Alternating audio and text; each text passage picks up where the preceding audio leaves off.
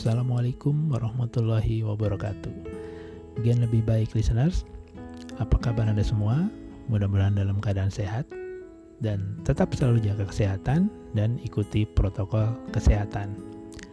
Saya Bayu Caksono, hari ini ingin sharing mengenai wakaf uang dan wakaf melalui uang.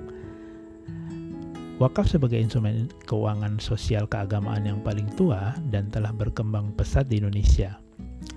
Indonesia sebagai negara mayoritas muslim memiliki potensi wakaf yang sangat besar seperti jumlah nazir terbanyak di dunia, potensi wakaf uang mencapai 180 triliun dan aset tanah wakaf yang mencapai 52.000 hektar dan tersebar di 393.000 lokasi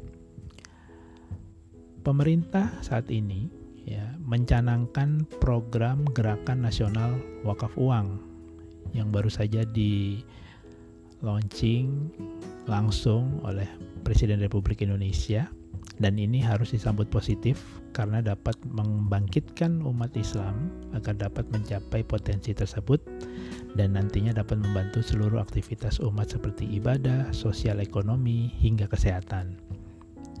Nah, saya ingin sampaikan apa itu perbedaan wakaf uang dengan wakaf melalui uang.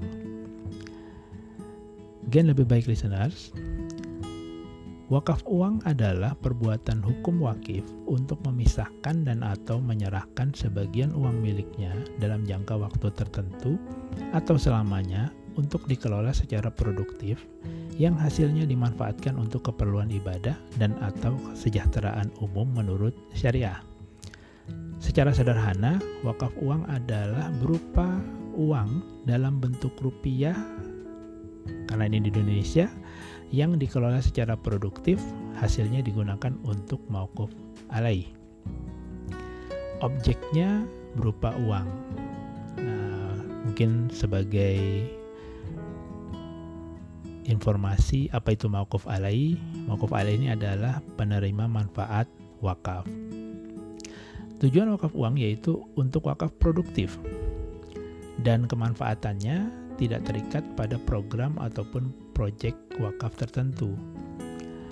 Nah, sebenarnya perkembangan skema wakaf uang sendiri ya pada zaman Imam Malik, Imam Zufar wakaf uang disalurkan dalam bentuk pinjaman tanpa margin kepada mauquf alai. Di dalam perkembangannya, pinjaman dengan skim tersebut sering menimbulkan moral hazard, sehingga tingkat untuk menjaga agar pokok wakaf bertahan maka diinvestasikan kepada investasi yang lebih aman dengan margin kompetitif. Keuntungan investasi disalurkan kepada mauquf alai. Nah, di mana saja investasinya yang diperbolehkan ya secara perspektif fikih kontemporer yang pertama bisa melalui instrumen keuangan syariah, yaitu dalam hal ini adalah bisa melalui deposito bank syariah, bisa melalui saham syariah, sukuk, dan instrumen keuangan syariah lain. Yang kedua, bisa melalui sektor real syariah.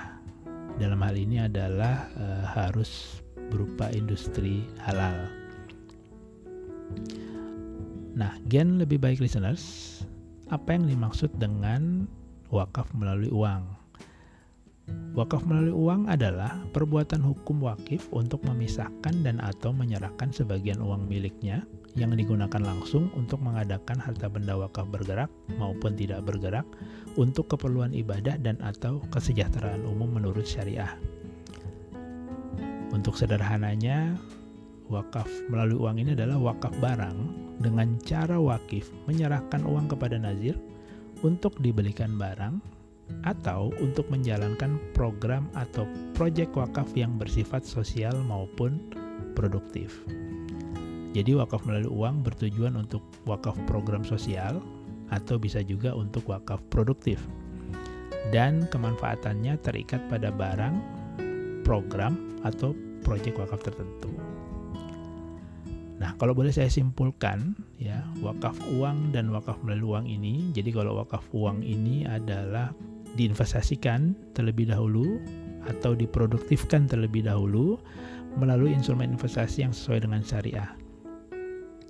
Namun kalau wakaf melalui uang dikonversikan menjadi harta tetap atau harta bergerak. Nah, keduanya ini tujuan akhirnya adalah e, untuk keperluan ibadah dan kesejahteraan umum atau e, kepada maukuf alai atau penerima, penerima manfaat wakaf. Nah, kemudian landasan hukum tentang wakaf uang ini sudah ada sejak tahun 2002 dengan fatwa MUI tentang wakaf uang yang dikeluarkan pada 11 Mei 2002. Kemudian Undang-Undang Nomor 41 Tahun 2004 tentang wakaf, Peraturan Pemerintah Nomor 42 Tahun 2006 tentang pelaksanaan Undang-Undang Nomor 41 Tahun 2004, Peraturan Menteri Agama Nomor 4 Tahun 2009 tentang administrasi pendaftaran wakaf uang, Peraturan BWI Nomor 1 Tahun 2009 tentang pedoman pengelolaan dan pengembangan harta benda wakaf bergerak berupa uang, dan Peraturan BWI Nomor 1 Tahun 2020 tentang pedoman pengelolaan dan pengembangan harta benda wakaf. Nah, wakaf ini juga harus melalui nazir profesional dan berizin.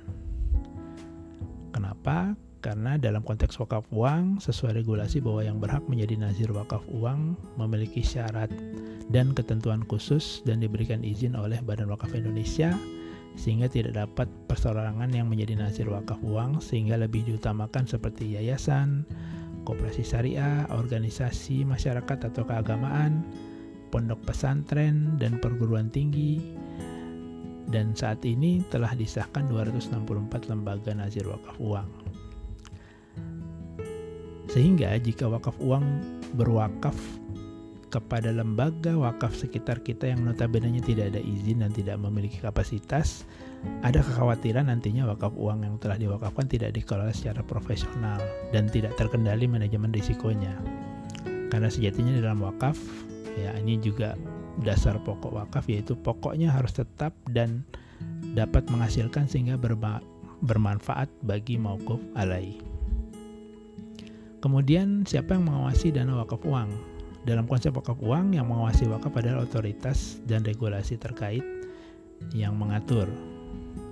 Contoh wakaf uang yang ditempatkan oleh Nazir melalui instrumen keuangan syariah di Bank Syariah atau LKSPWU, maka yang mengawasi dana tersebut adalah otoritas jasa keuangan dan lembaga penjamin simpanan.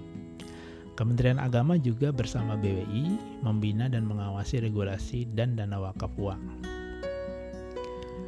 Peran wakaf dalam kesejahteraan, nah memang saat ini umumnya masyarakat masih mengenal objek wakaf itu terdiri dari dua. Yang pertama adalah harta tidak bergerak, itu berupa tanah, kebun, bangunan, dan lain-lain, atau bisa berupa harta bergerak, bisa berupa kendaraan ataupun uang. Nah, aset wakaf di Indonesia masih berkisar di fix aset berbentuk tanah untuk peruntukan masjid makam madrasah atau lebih dikenal dengan 3M. Tujuan utamanya untuk pelayanan umat dan belum banyak yang bersifat produktif. Nah, sementara kondisi perwakafan nasional, jumlah tanah wakaf sangatlah luas, sekitar 414.000 hektar dan separuhnya itu belum bersertifikat. Kemudian tadi sudah disampaikan sebagian besar masih non produktif, bahkan jumlahnya diyakini lebih dari itu karena bila tanah sudah dikeluarkan sertifikat wakaf maka tidak bisa diagunkan. Dan masih 10 sampai 20% tanah wakaf berada di lokasi strategis. Nah, Keunggulan wakaf uang ya, yang pertama adalah partisipasi masyarakat menjadi lebih luas. Karena wakaf uang jumlahnya bervariasi, seseorang yang memiliki dana terbatas juga bisa berwakaf meskipun jumlahnya atau jumlah dana yang diwakafkan tidak besar dan tidak memiliki tanah. Yang kedua, lebih simpel dan fleksibel. Berbeda dengan wakaf dan yang keturunan yang efek aset wakaf tanah kosong yang sebelumnya belum produktif bisa mulai dikelola menggunakan wakaf uang. Gen lebih baik listeners, bagaimana dengan potensi wakaf uang di Indonesia? Indonesia memiliki penduduk muslim terbesar di dunia. Kemudian Indonesia juga merupakan negara paling dermawan di dunia menurut World Giving Index 2019. Dan menurut Badan Wakaf Indonesia, potensi wakaf uang di Indonesia itu sebesar 180 triliun. Namun realisasi masih sangat rendah. Wakaf melalui uang itu sebesar 580,53 miliar Kemudian wakaf uang itu sebesar 238,83 miliar kalau diakumulasikan sebesar 819,36 miliar. Ini masih jauh dibandingkan dengan potensi wakaf uang di Indonesia sebesar 180 triliun. Jumlah nazir wakaf uang di Indonesia sudah ada 264 lembaga. Jumlah LKSPWU sudah ada 23 bank syariah namun indeks literasi wakaf eh, terakhir di 2020 itu 50,48. Ini literasi yang masih rendah yang menjadi tantangan dalam pengembangan wakaf. Gen lebih baik listeners, selain wakaf bisa melalui uang atau bisa berupa wakaf uang, tahun 2016 wakaf pun juga bisa melalui manfaat asuransi. Ini ditandai dengan uh, munculnya fatwa nomor 106 tahun 2016 tentang wakaf manfaat asuransi. Nah ini juga bisa menjadi alternatif eh, bagi wakif untuk berwakaf. Tidak tidak harus melalui harta benda, baik itu benda bergerak atau benda tidak bergerak. Namun juga bisa melalui wakaf uang, wakaf melalui uang dan juga bisa melalui wakaf asuransi. Nah, terakhir saya sampaikan bahwa perjalanan wakaf masih panjang dan butuh dukungan dari semua pihak. Demikian yang bisa saya sampaikan, ya khususnya mengenai wakaf uang dan wakaf melalui uang. Tetap dengarkan Gen Lebih Baik podcast dan teruslah belajar karena belajar nggak ada batasnya. Akhir kata, saya mohon maaf apabila ada kekurangan. Wabillahi taufik walidayah. Wassalamualaikum warahmatullahi wabarakatuh.